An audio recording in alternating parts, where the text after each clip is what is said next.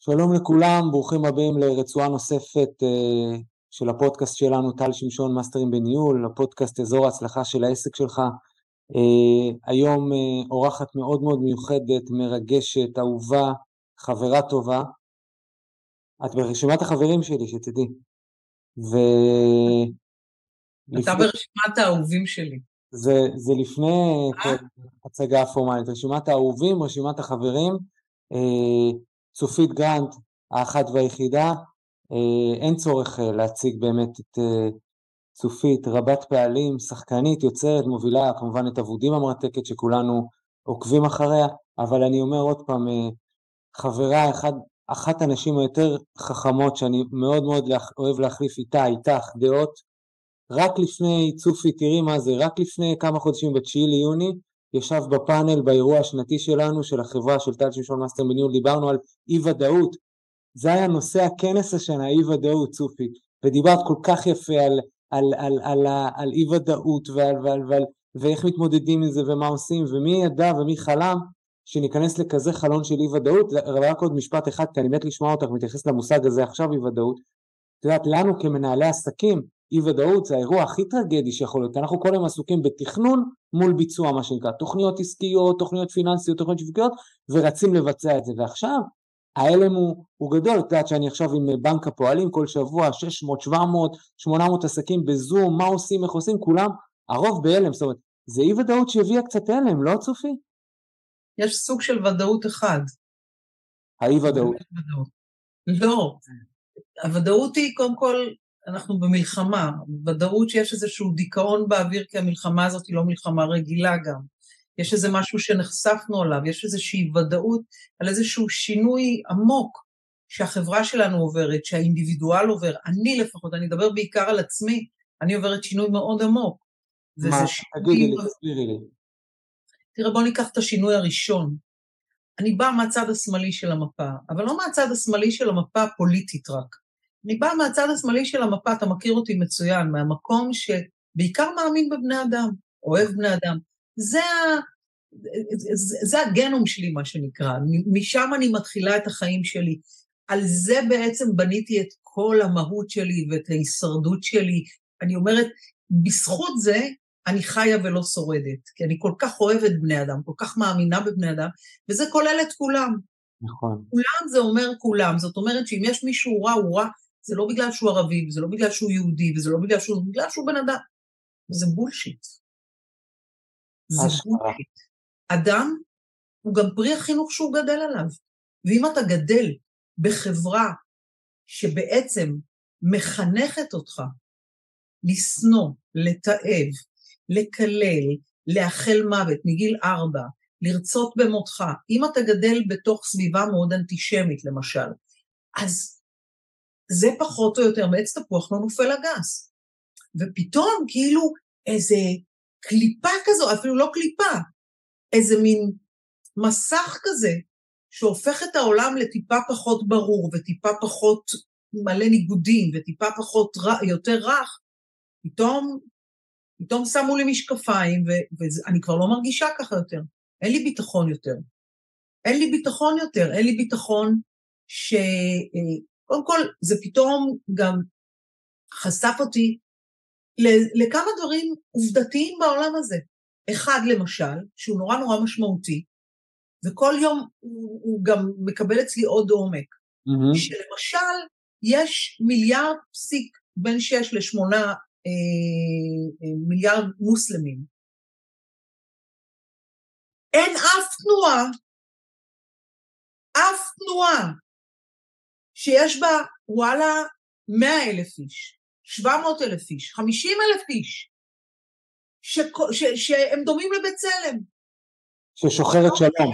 כן. מה זה שוחרת שלום? שוחרת שלום וגם נלחמת בקולי קולות, וכולם מכירים את הדגל שלה, ואת הלוגו שלה, והיא, והיא תנועה, והיא תנועה שנלחמת למען משהו שהוא פלורליסטי, שהוא, שהוא, שהוא רוחני, שהוא עמוק, והוא לא אה, דתי פונדמנליסטי, או אני לא יודעת מה.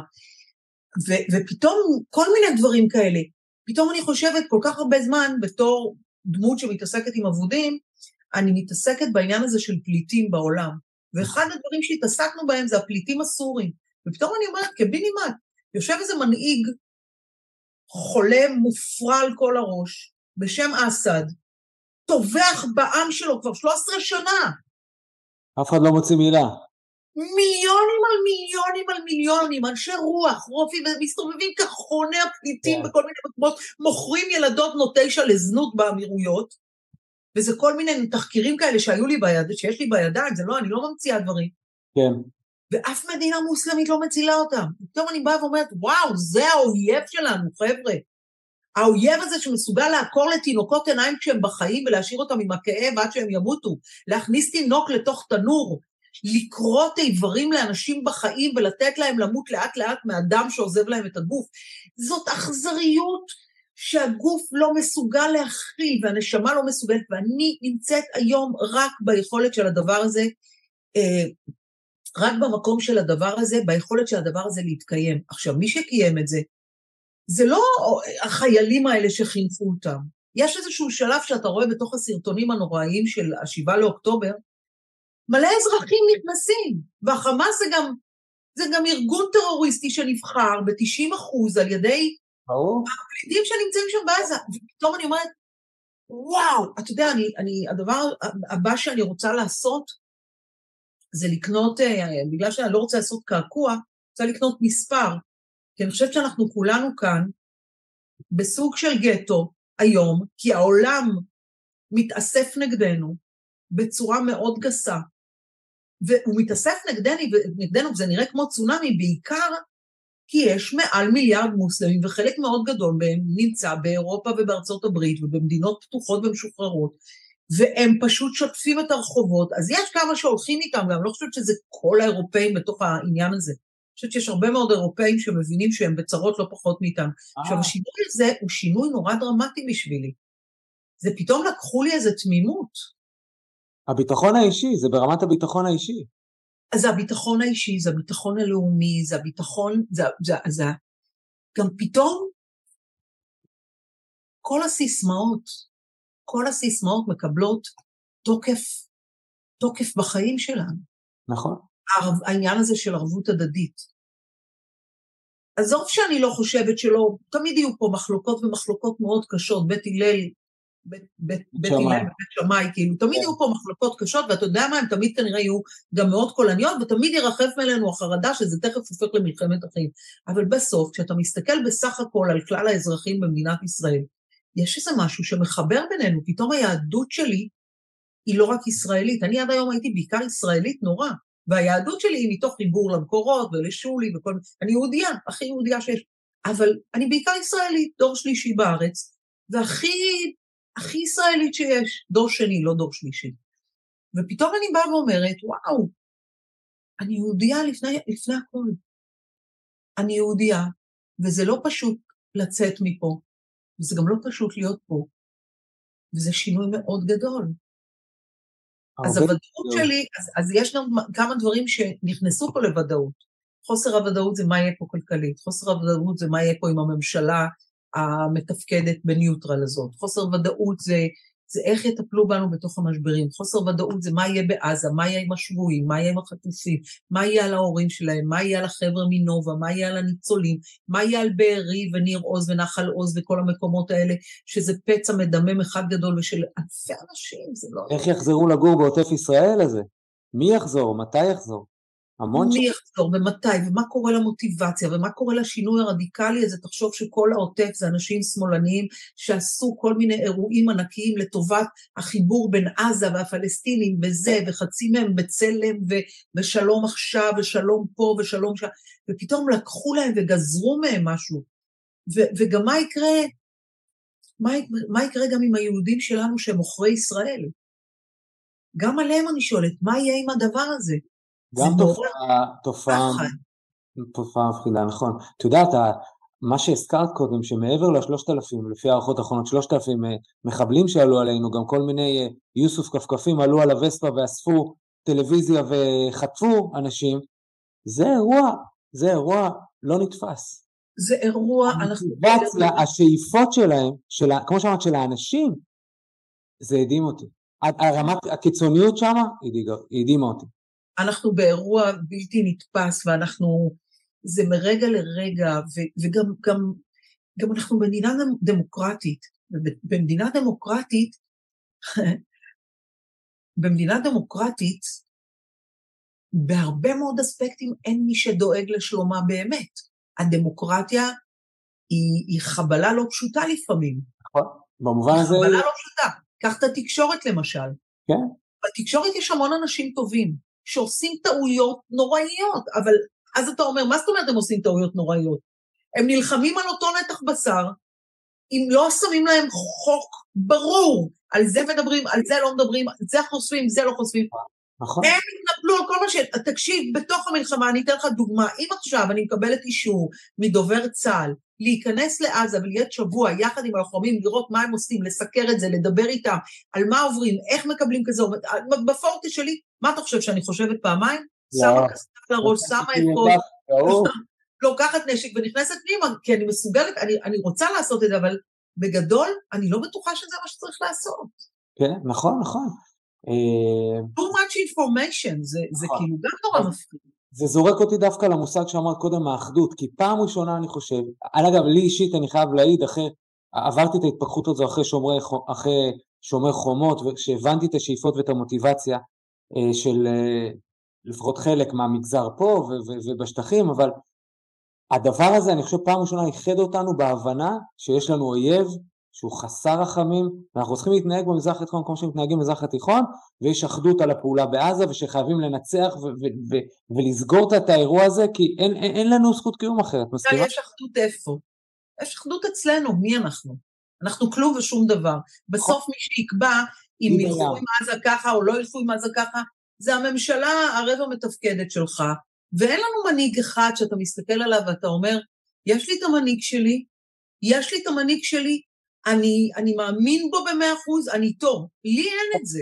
את אמרת ש, שביידן, זה, הוא הגיע להנהיג מדינה יתומה. אני העליתי אז סטורי וכתבתי, הייתי ממנה אותו לישיבות הדירקטוריון של מדינת ישראל. כל אחד אמר את זה בשפה שלו. כי באמת, כשהוא בא, היה רגע איזשהו, איזשהו רגע שנייה של נחת של הבנה שמישהו שומר עליך.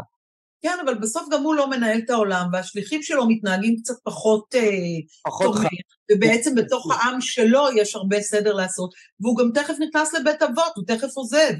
אנחנו תכף, אה, מי יודע מי ייכנס, ואני שמעתי אתמול את אובמה, מדבר ברוח קצת אחרת. נכון. וכשרואים את התמונות בעזה, אף אחד, אני לא רואה שמישהו קם ואומר, חבר'ה, צריך לעצור את החמאס מלהרוג את האזרחים שם, החפים מפשע. נכון. מישהו צריך לשחרר את עזה אך ורק מחמאס, לא מישראל, קודם כל מחמאס. הבורות הזאת שנמצאת בעולם היא מפחידה. את הרי גאונה בתקשורת, ואת יודעת שאת הנרטיב של החלש הכי קל למכור, והם מוכרים אותו כמו ענקים, הם עושים לנו בית ספר. הרבה יותר קל למכור את החלש ולהראות את התמונות של פצועים עכשיו בעזה. אני אגב איבדתי את הסימפתיה לחלוטין אליהם ולמה שיקרה שם, אני רוצה פתרון. בא לי להגיד לך נקמה, אבל זה קצת קיצוני. אני רוצה לגמור עם הסיפור הזה. אי אפשר, מה שעברנו פה בשביעי לאוקטובר לדעתי, זה הטראומה הכי גדולה שהייתה לנו. אפילו יותר מהשואה שהיינו פזורה של אה, יהודים בגולה אה, אה, מסכנים, וגם מלחמת יום כיפור שהיה אירוע צבאי לא טוב, אבל אירוע צבאי. מה שקרה פה צופי הוא חסר תקדים, ואם אנחנו לא נעשה דברים קיצוניים, אני לא רואה את הזכות התקומה שלנו. ו-let's face it, כל מדינה אחרת ממדינות העולם הצבועות האלה היו מפרקות תוך 48 שעות, לא, תוך, לא, לא, לא עם הקש בגג והקש בתחת. הם היו מפרקים לחתיכות, כל מיני כאלה, מתחס... הכי הצחיק אותי שרוסיה מתחסדת. בדיוק חזרתי מאוקראינה, הייתי פעמיים באוקראינה בחודשים האחרונים, הייתי באודסה ארבעה, חמישה ימים אחרי ששם התחילו הקרבות. במסגרת אבודים רק נגיד, במסגרת אבודים, בסיפורים של אבודים. במסגרת אבודים עשיתי את זה. ואתה יודע, אתה מסתכל על ההר החסר אונים הזה, החסר אונים הזה, שפוטין היה יכול לטפל בו אחרת לגמרי, ולא באלימות החולנית הזאת שהם טיפלו. והוא מטיף, כאילו, הם מטיפים לנו. הצרפתים, הזה, הזה, כאילו, מה אתם מטיפים לנו בכלל? שמע, זו התפכחות קשה, ההתפכחות הזאת. ומצד שני, אני שומעת פה בארץ כל מיני דברים, אני שומעת את, אה, שומעת את גדעון לוי, הוא אף פעם לא הרגיז אותי. זה, אני נורא שמחה שיש גם שמאל קיצוני, זה בסדר, אין, במדינה, בדמוקרטיה יש שמאל כזה, יש ימין כזה, יש... עכשיו אי אפשר לשמוע אותו, אי אפשר לשמוע אותו. אי אפשר לשמוע אותו, הוא כזה לא רגיש, כן. והכל מהמטלה של בן אדם נורא רגיש ונורא מתחשב, כן. ממש כנפיים של מלאך ובייגלה על הראש, גם הוא וגם כל הפעילי שלום האלה עכשיו. יש איזו הלקאה, הכאה עצמית בלתי נגמרת, גם באירוע כוח עצמי זה נראה לי דבילי, אבל רגע שנייה, לי יש צ'קליסט שאני רוצה שאנשים ישמעו מצופית, כי אני יודע, אני, אני יודע שכשלי יש התמודדות אני מתקשר לצופית, אז רציתי לדבר איתך על אי ודאות, דיברנו, אני רוצה לדבר איתך על המושג שנקרא הכלה, את עוברת הרי באבודים, גם מה שאת ספרת לי, גם מה שכולנו רואים בטלוויזיה, סיפורים מרגשים, עצובים, כואבים, מה לא, כאילו, כאילו זה קצת מתגמד לעומת הטרגדיות שראינו פה, איך, איך מכילים כזה, איך, איך בן אדם אמור להכיל עכשיו כל מה שקורה סביבנו? אני רואה אנשים הלומים, צופים, מובסים בעיניים, זה מה שאני רואה. תראה, הכלה בעיניי לא מילה נכונה. אוקיי. כי, ו, ובוא רגע נפרק את זה. מה זה מיכל? מיכל זה משהו שיש לו פתח מלמעלה, סגור מכל, מכל שאר הכיוונים. זאת אומרת שהוא גם מתפוצץ. אני חושבת שהכלה אמיתית, בסופו של דבר, ואנחנו מרגישים את ההתפוצצויות האלה, יש לה מנעד. מנעד. וגם ההכלה הולכת ונהיית יותר קשה בתוך העולם הגרעיני. בעולם הגרעיני שלנו יותר קשה לנו לסבול את הכאב, את הכאב של הילדים שלנו, מחשבה שילד שלנו פצוע, חטוף, זה, היא כמעט בלתי נסבלת. אתה שואל איך אני מכילה את החברה בקטע חברתי. יותר מאשר מיכל אני צינור. Mm-hmm. יש לי פתח ויש לי עוד פתח. ויש דבר אחד הכי משמעותי, אני לא מרכז העולם. החיים לא מתחילים בי, לא נגמרים בי, לא לטוב ולא לרע. וזה הופך את הכלי שלי, הוא נותן תחושת מיכל, אבל הוא סוג של צינור שנמצא שם כדי לחבק, כדי להשתתף, כדי להצטער, כדי להיאבק, לצאת עם החטופים, עם ההורים שלהם, למאבקים שלהם, ולצעוק ולבכות ולצרוח ולהביא אותם לתוכניות, ולעשות קול ולעשות תרומות והתרמות, ולתת את הבית שלי כשצריך, ולהביא בגדים, כל מה שאני יכולה, מחומר עד רוח, הכל. אבל בסופו של דבר, אם אתה לא מרכז העולם, וברגעים האלה אתה לא אומר, וואי, וואי, קשה לי, אני לא יכול, אם לי קשה, מה יגידו, מה, מה הם יגידו? ואחד הדברים שאמר, שאל אותי שולי, למה את רואה את הסרט? ראיתי, לא ראיתי את הסרט שהקרינו ל... של 45 דקות, ואני מאוד רוצה לראות אותו דווקא, אבל כן ראיתי איזה 150 סרטים בערב אחד. ואני רואה אותם עוד פעם ועוד פעם ועוד פעם. באכזריות הזאת. ושואלים אותי למה. אני קצת משוגעת, אבל אני רוצה שיכאב לי, כמו שכואב לי. אני רוצה ששום דבר לא יסמא את העיניים שלי. לא רוצה לרחם על אף אחד אחר, חוץ מאשר על בני ביתי, כן. על בני עמי. אני רוצה גם כדי להיות שם, באפשרות הזאת של להיות איתם, בתוך המקום הזה עד הסוף, להגיע אליהם לבית, לבתי המלון, לעזור בכל מה שאני יכולה לעזור. אם אני אתחיל להגיד, וואו, אני לא מסוגלת, איך אני מסתכל לאימא הזאת בעיניים, יואו, שלושה ילדים, אידה, זה פשוט נורא. לא, לא, לא, היא איבדה שלושה ילדים והיא זקוקה לי עכשיו. וזה הרבה יותר חשוב מהכאב שאני מרגישה ומהפחד ומהאימה. הם לא חשובים. כן. מה שחשוב בחיים שלי מפחד ואימה וכל הדברים האלה, זה גם ככה לי, כל אחד מאיתנו יש לו את ההתמודדויות שלו, אנחנו כל החיים נתמודד, זה העולם. בעולם אנשים מתמודדים, כל אחד והחבילה שלו. וזאת הדרך שלי, הדרך שלי, אני כל הזמן אומרת לאנשים, אתם, אתם רוצים לעבור את התקופה הזאת יותר נורמלית? פשוט צאו מהריכוז העצמי של כמה לי קשה, כמה העולם שלי מרוסק, כמה אין לי מוטיבציה, כמה קשה לי לישון בלילה, קשה לי וקשה לי ולי ולי ולי ואני ואני ואני ואני, זה נורא מדכא, זה נורא מכביד על הנשמה, זה נורא כבד, כי יש פה הרבה לגיטימציה לדיכאון. איזה, איזה מילים כדורבנות, צופי. זאת תפיסת העולם, ואני כל בוקר קמה בלי מוטיבציה. כל בוקר אני קמה, והדבר הראשון שאני רואה בעיניים שלי זה את המלחמה הזאת, ואת אה, משפחת גולדשטיין שאני מכירה, והבן נרצח והנכדה נרצחה, ושלושת הנכדים שלהם וה, והכלה שלהם חטופים, ועוד ועוד ועוד, וכל מיני חברים שלי שיש להם חטופים והרוגים ונרצחים, וכל בוקר אני קמה בדיכאון, כל בוקר אני קמה בדיכאון. אני קמה, אני עושה את כל הפעולות הכי טכניות שיש, ואני יוצאת למלחמה שלי על, על מה אני יכולה לעשות למען מישהו שבאמת זקוק לנוכחות שלי. מדהים, ואני אספר לך מהצד שלי, שבאמת זו תקופה שיש לי זכות להשפיע על אלפים על גבי אלפים של עסקים שעולים לכל מיני תקשורות המונים שאני עושה בכל מיני מסגרות, הזכרנו בנק הפועלים, זה קורה גם בעוד כל מיני מסגרות אחרות, ואני כל הזמן אומר להם את מה שאת אומרת בשפה שלך, תעשו פעולות, קודם כל תבדילו בין מה שבשליטתי ולא בשליטתי, כי יש פה המון דברים שהם לא בשליטתנו, קח רגע אחריות על השגרה כמו שאת אומרת, איזושהי מנהיגות עצמית כלפי עצמך, כלפי הסובבים אותך ותתחיל לעשות פעולות, תתחיל לזוז, תתחיל לנוע, כי אבל זה לא תוכנית עבודה, את יודעת, זה לא תוכנית, זה לא תוכנית טובה, בטח שאנחנו חלק מאבל לאומי מאוד גדול ואני אתעדכן ואני אתנדב, אבל וואלה, יש לך 70% מהזמן שלך, תעשה פעולות, תקדם למען מישהו, למען עצמך, כי בסוף, בחוסן הלאומי שלנו, אני, מרג, אני מרגיש במילואים, צופי, אני מרגיש עם אחריות לגעת בעשרות אלפי עסקים האלה ולהגיד להם, חבר'ה, אתם, השמאל, מידיום ביזנס האלה, אנחנו הלב של העניין, רצו להשבית אותנו, תעשו עוד פעולה ועוד פעולה, וכן ת, ת, ת, תזכירו את הערך שלכם, וכן תנסו לגלגל איזה, איזה עסקה, זה לא אומר שאתם מבלים חלילה פחות, פשוט איזשהו צו, איזשהו צו חיים, פעולה, motion in motion, יודעת, את זזה וקורים הדברים, ואני אומר, אגב, בעולם הרגיל אצלך עכשיו היית אמורה לעלות עם סדרה חדשה, אם אני לא טועה, נכון? ביום ראשון, בשמונה לחודש. האירוע קרה בשבעה לחודש, בשמונה לחודש הייתי אמורה לעלות עם הסדרה שלי. הפרומואים רצו כבר שבועיים. נכון. סדרה שמתעסקת במלחמה. את רוצה לשמוע קטע? ביום חמישי לפני זה התראיינתי ושאל, שאלה, לא זוכרת מנחה או מנחה, לא זוכרת מי, שאלו אותי, אה, מה הדבר הכי חזק שלקחת מהסיפורים באוקראינה?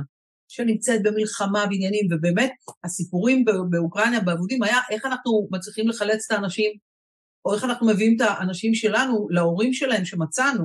כן. ואז אמרתי דבר נורא נורא מעניין, בדיעבד.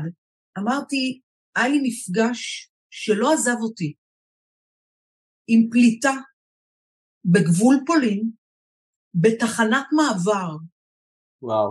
היא ישבה שם עם הנכד שלה, עם הבת שלה ועם הילדים היותר קטנים שלה, אישה יפהפייה בת 45, שבמקרה באתי לדבר איתה.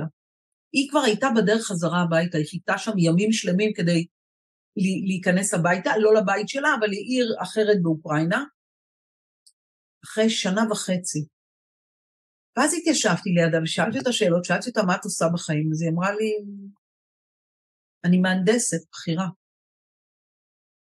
ובעלי הכריח אותי לעזוב באיזשהו שלב, כי העיר הייתה במצב מאוד קשה, ובדיוק הילדה שלי ילדה, ולקחתי את הילדים שלי ואת הנכדה שלי ואת הנכד שלי, ובאנו לפה. אמרתי לה, ו... והיא נראתה כבויה לגמרי. היא אמרה, ו... אין לי למה לחזור, אבל צריך לחזור. אמרתי לה, ומה עשית פה? אז היא אומרת לי, אני כבר שנה וחודשיים מנקה בתים לפולנים. וואו. ואז אמרתי בשידור, אמרתי, כשהיא דיברה איתי, הרגשתי שזה משהו שיכול לקרות לנו. ואז פתאום הרגשתי את ההבדל ביני לבינה. לא יהיה לי גבול ללכת אליו. אשכרה.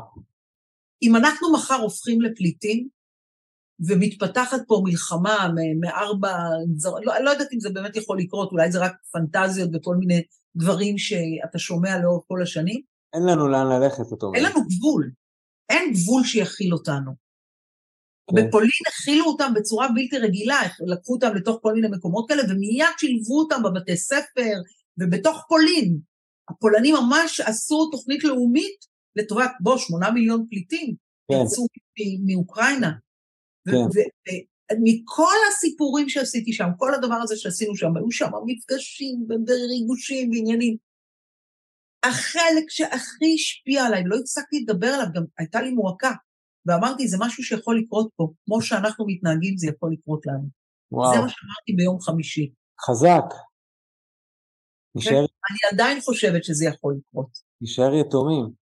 תגידי, נשאר. אבל אפרופו המונחים האלה שאנחנו מדברים עליהם, האי ודאות והכלה כן או לא, יש את העניין הזה של אמונה. את חיה עם איש מדהים ואיש מאמין, וגם אני יודעת, לא יודעת, לא יודע איך קוראים, מה אני מאמין, קוראים לזה אלוהים, קרמה, קוסמוס, אני בן אדם מאמין, אני לא מרגיש שאני הולך לבד בעולם הזה.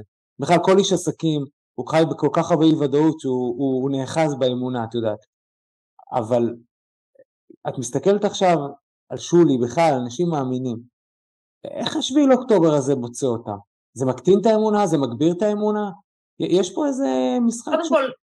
לא מובן לי, כאילו. קודם כל, אני רוצה לחבר אותך לאמונה שלי. Mm-hmm. היא מאוד מעניינת האמונה שלי. אני 33 שנים לומדת קבלה. נכון. קרוב ל-20 שנה לא הבנתי מה זה. באתי ולמדתי. חשבתי איזה יופי, אני לומדת משהו רוחני, וזה, גם למדתי המון שנים בודהיזם. נכון.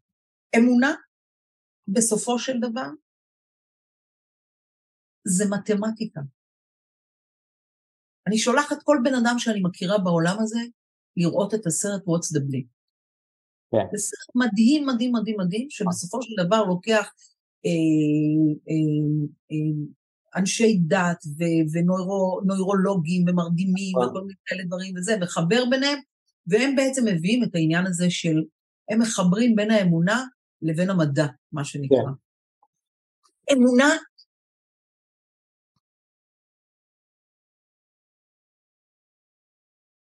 אמונה זה מתמטיקה. לאמונה יש כוח לשנות מצב במוח. נכון. מסכים. לשנות, יש ספר, אחד הספרים הכי גדולים שקראתי בחיים שלי, זה הביולוגיה של האמונה. Mm-hmm. האמונה, יש לה כוח שאתה לא תדע להסביר אותו, אבל יש בה כוח מכונן שמאפשר לך להיות במצבים הכי קשים. בואו נדבר רגע על הלוחמים שיש לנו. אני לא יודעת כמה מהם עם כיפה ציציות, לא מאמינים באלוהים, לא מאמינים באלוהים. אבל הם יוצאים עם איזושהי אמונה בחיים, נכון. שהם מסוגלים לעשות משהו, להתגבר על איזה פחד מטורף ממוות, מהלא נודע. הם חוברים ללא נודע והם הולכים איתו עד הסוף. נכון. אמונה זה מתמטיקה. אני רוצה רגע לקחת אותך למקום האמוני הרגיל שמדברים. לפני כמה זמן התנדבתי באיזשהו מקום, במקרה לגמרי, והגיעו לי כיתה כזאת, חצי חרדיות וחצי חילוניות. זה היה ממש בשבוע הראשון של המלחמה. ופתאום אחת החרדיות אמרה, אני רוצה להגיד שאני מאוד מאמינה בקשר בין מה שקרה ביום כיפור בדיזינגוף לבין זה שיהודים יפריעו ליהודים אחר... עצרתי אותה, אמרתי לה, תעצרי ותעצרי עכשיו. לא בכיתה שלי. ממש. ואז היא אמרה לי, מה זאת אומרת, מותר לי להגיד משהו? אמרתי לה, לא, לא, לא, לא. את לא יכולה לקחת את אלוהים ולהפוך אותו לאיזה משהו כל כך גשמי וקטן כזה. את פשוט לא יכולה לעשות את זה. אלוהים הוא לא מעניש. אלוהים זה אלוהי התבונה, החוכמה, הטוב והמיטיב. הוא לא מעניש. ואני רוצה להגיד לך משהו עוד יותר חשוב מזה. ציבור מאוד מאוד מאוד גדול של אנשים שנפגעו ובכלל נפגעים בעולם, זה לא אנשים שבאו מהעולם הדתי והחרדי. אלוהים לא יושב אצלם בארון. והדבר האחרון שאדם דתי צריך לעשות בתקופות כאלה, זה לקחת מונופול על אלוהים. נכון, נכון, נכון, נכון. אלוהים, אלוהים לא מעניש מי שאוכל חזיר, ואלוהים לא מעניש את מי שגונב באותו. אלוהים, זאת לא הדרך שלו להעניש. אנשים מענישים אנשים. ואתם לא יכולים בתקופה כזאת לקחת מונופול, אין לכם מונופול על אלוהים. וההפך הגדול הייתי אומרת, ואז באתי גם לשולי ואמרתי לו, כל הזמן, הקדוש ברוך הוא, הקדוש ברוך הוא, הקדוש... אתם לוקחים את הכלי הזה, אתם מנכסים אותו לעצמכם, ואתם מעוררים אנטגוניזם, ואז אותו חילוני שלא מכיר את המתמטיקה של האמונה, לא יכול להשתמש בזה. יש דרך אחרת לחבר את האמונה לבני אדם. Mm-hmm. יש דרך אחרת לתת להם את הכלי המדהים הזה. היה לי מפגש עם אנשים מופלאים, שהם לא דתיים ולא אה, הכי יהודים, הכי מוכנים, הכי מהממים בעולם. מאוד פסימיים, עם המון המון כאב, והיה איזה רגע שהסתכלתי עליהם, וכשהרגשתי שאפשר, זה אפילו לא היה און קאמרה או משהו כזה, אמרתי להם, אני יכולה להציע לכם משהו? הבודהיזם, וכל בודהיסט יודע את זה, בזמן אמת, בזמן החיים, הבודהיסט יותר מחובר למוות. הם הכי מחוברים למוות, המוות והחיים. בודהיסטים לא כל כך מפחדים למות. כן, אה? ההפך, יש בהם איזה... הם שמחים ללכת. הם באמת עושים איזשהו מעבר. והיה איזה רגע שאמרתי להם, תחקרו את זה קצת. כי נורא קשה בלי כלי של המתמטיקה הזאת, שיש בה מילים, ויש בה מספרים, ויש בה רב הנסתר על הגלוי. תמיד אני נותנת את הדוגמה, מה זה האדם תלוי על בלימה? נכון זה נשמע, בלימה זה גם מעצור, כן. ובלימה זה גם חוט כזה שרואים לוליין הולך עליו וברגע יכול ליפול. העולם תלוי על בלימה, זה גם העולם תלוי בבלי ובמה. והרוב זה הבלי. אנחנו לא יודעים מה זה הבלי הזה. אנחנו נושמים פה ואנחנו לא יודעים מה אנחנו נושמים. את המוח שלנו אנחנו יכולים לראות מחר, כמה קילומטרים יש בו, אנחנו גם יכולים לדעת, אבל את כל המחשבות שלו אנחנו בחיים לא נוכל לשים על מגש. נכון. רב הנסתר על הגלוי, את הרגשות שלנו, אנחנו כולנו יודעים מה אנחנו רוצים להרגיש באהבה. אנחנו לא יכולים לקנות אותה במכולת. ואנחנו נכון. לא יכולים לשלם עליה כסף, ואנחנו לא יכולים לעשות שום דבר. אם היא תהיה לנו, הרווחנו. אם היא לא תהיה לנו ולא נדע לעשות אותה, לא יעזור לנו לא 100 מיליון, לא להיות הכי חתיך בעולם, לא להיות הכי חכם, הכי מוצלח, הכי שווה, הכי, הכי, הכי, הכי, הכי. וזהו, זה הקטע של אמונה. אז מה אומרים? אני אפילו לא, איך אלוהים עשה כזה דבר? לא אלוהים עשה את הדבר הזה, אלוהים פה רואה את העולם, מאבד את המוסר שלו, מאבד את הרעות שלו, מאבד את החברות שלו, מאבד את, ה, את האנושיות שלו. בני אדם עושים את הרוע. פעם לפני הרבה הרבה שנים אה, היה איזו כותרת שלי. ניסו לפגוע בי כששמו את הכותרת הזה, אבל זה דווקא קיבל המון חיזוקים, כי אמרתי, רק הנאצים היו מאוד מאוד אנושיים, כי רק אנשים יכולים להתנהג בצורה כזאת מגעילה, זוועתית, אכזרית, מחרידה. רק אנשים יודעים לשחוט כמו שהם שוחטים, להתעלל בחיות כמו שהם מתעללים, להתעלל בבני אדם, לאנוס, זה, איזה אריה אונס, אני, אני לא שמעתי על אף מקרה של אריה שאנס את אשת הצבוע או את הלוויה, לא שמעתי על אריה אחד שאנס לוויה. אבל מלא גברים אונסים נשים. איי, איי, איי. אז כאילו אני אומרת, בני אדם, וואלה, עושים מלא דברים מגעילים, ולכן העונשים נמצאים פה, וזה לא הולך להיגמר. אתה יודע מה הדבר היחיד שיגמור את המריבות בין בני אדם? Mm-hmm. הטבע. הטבע. כי כשימותו כאן אה, אה, מיליון איש משרפת השמש ומהצפה ומעוד כל מיני... בעיות אקלים, כן.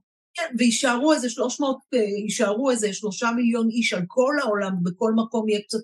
אז העולם אולי יחזור לבנות עצמו, או שהוא יעוף מפה. תגידי שאנחנו בחלון הזה של האי-ודאות. אנחנו חודש אחרי המלחמה וצפויים לנו פה כמה חודשים לא פשוטים בכל המובנים. את, את מוכנה לנסות להסתכן ו, ולהגיד איפה את רואה אותנו בעוד שנה?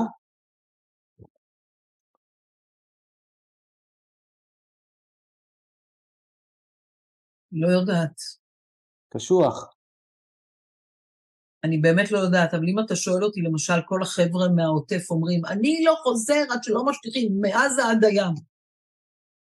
אני לא מאמינה שזה יקרה, לצורך העניין. ואז אני שואלת את עצמי, אז מה הולך לקרות עם העוטף?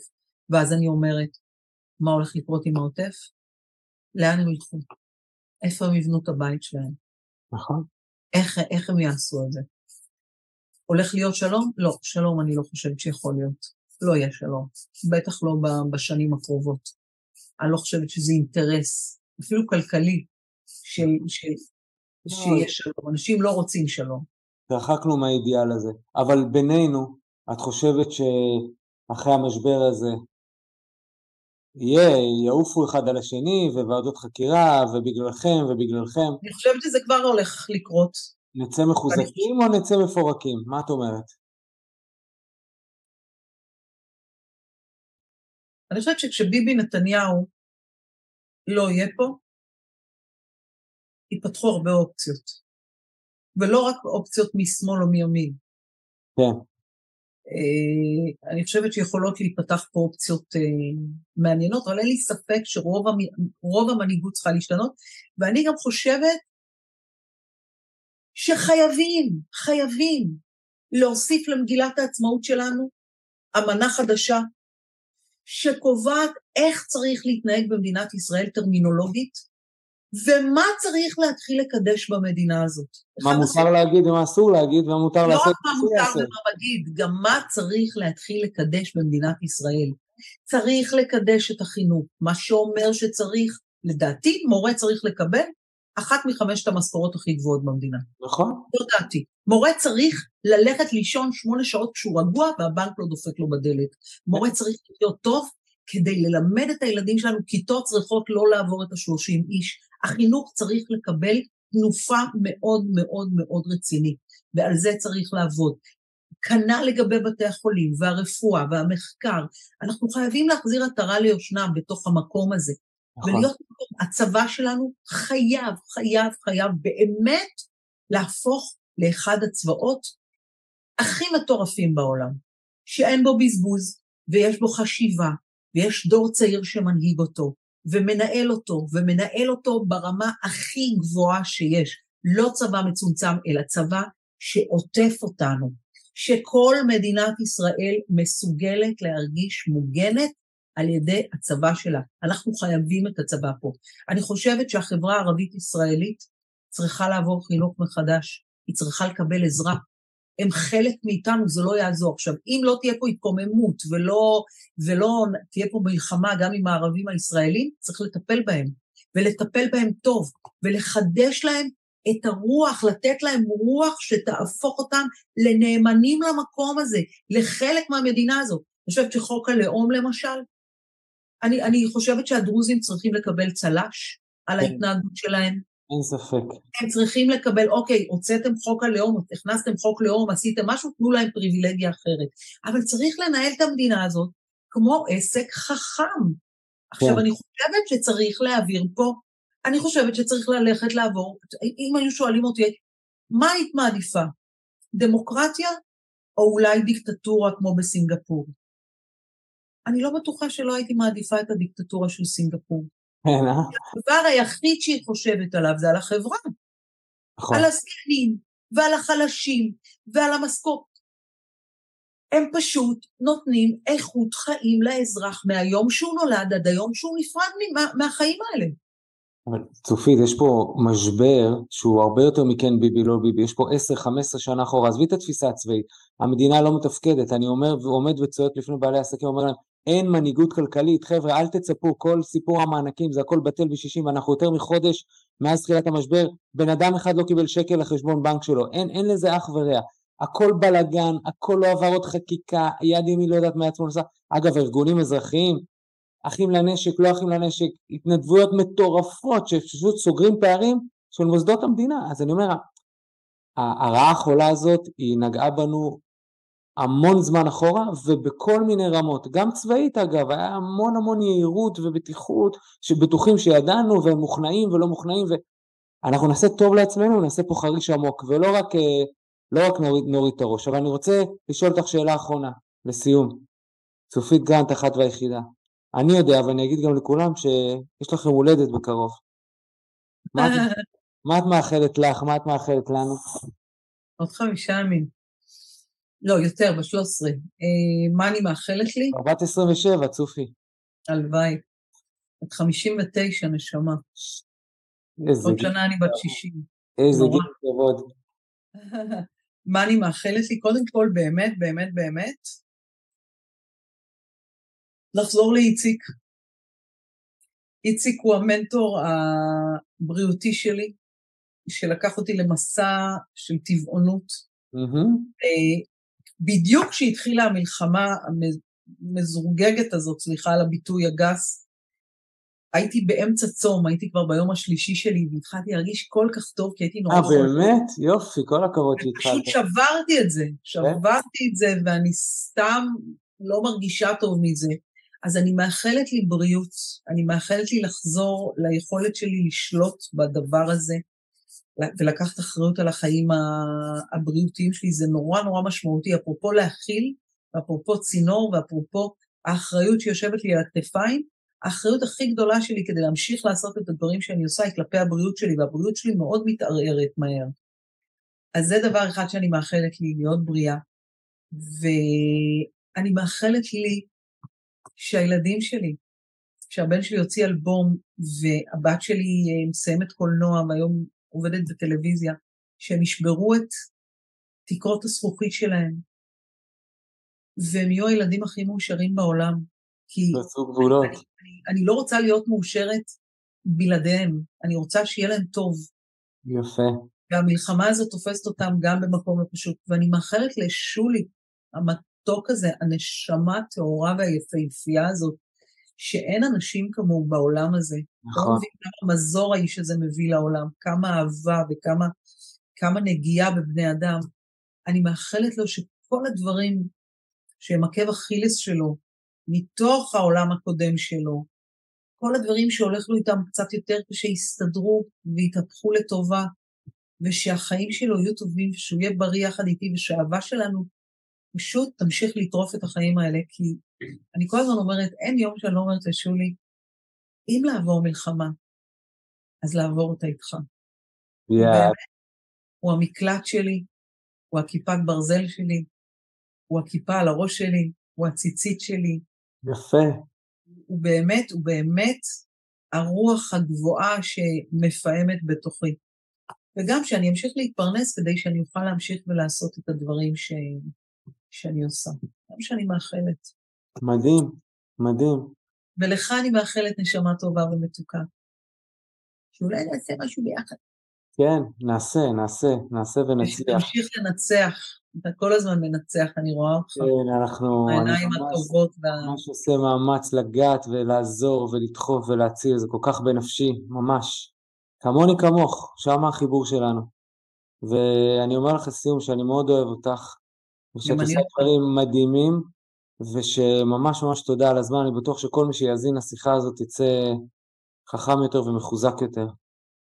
אנחנו צריכים להיפגש ולבחור את המנהיגים הבאים שלנו ביחד, לעשות סיור מוחות מי בא לנו, מי בא לנו, ולהכין להם את פרוטוקול, את האמנה החדשה, מה מותר ממש. להם, איך צריך להתנהג, איך זה. ממש, ממש ממש.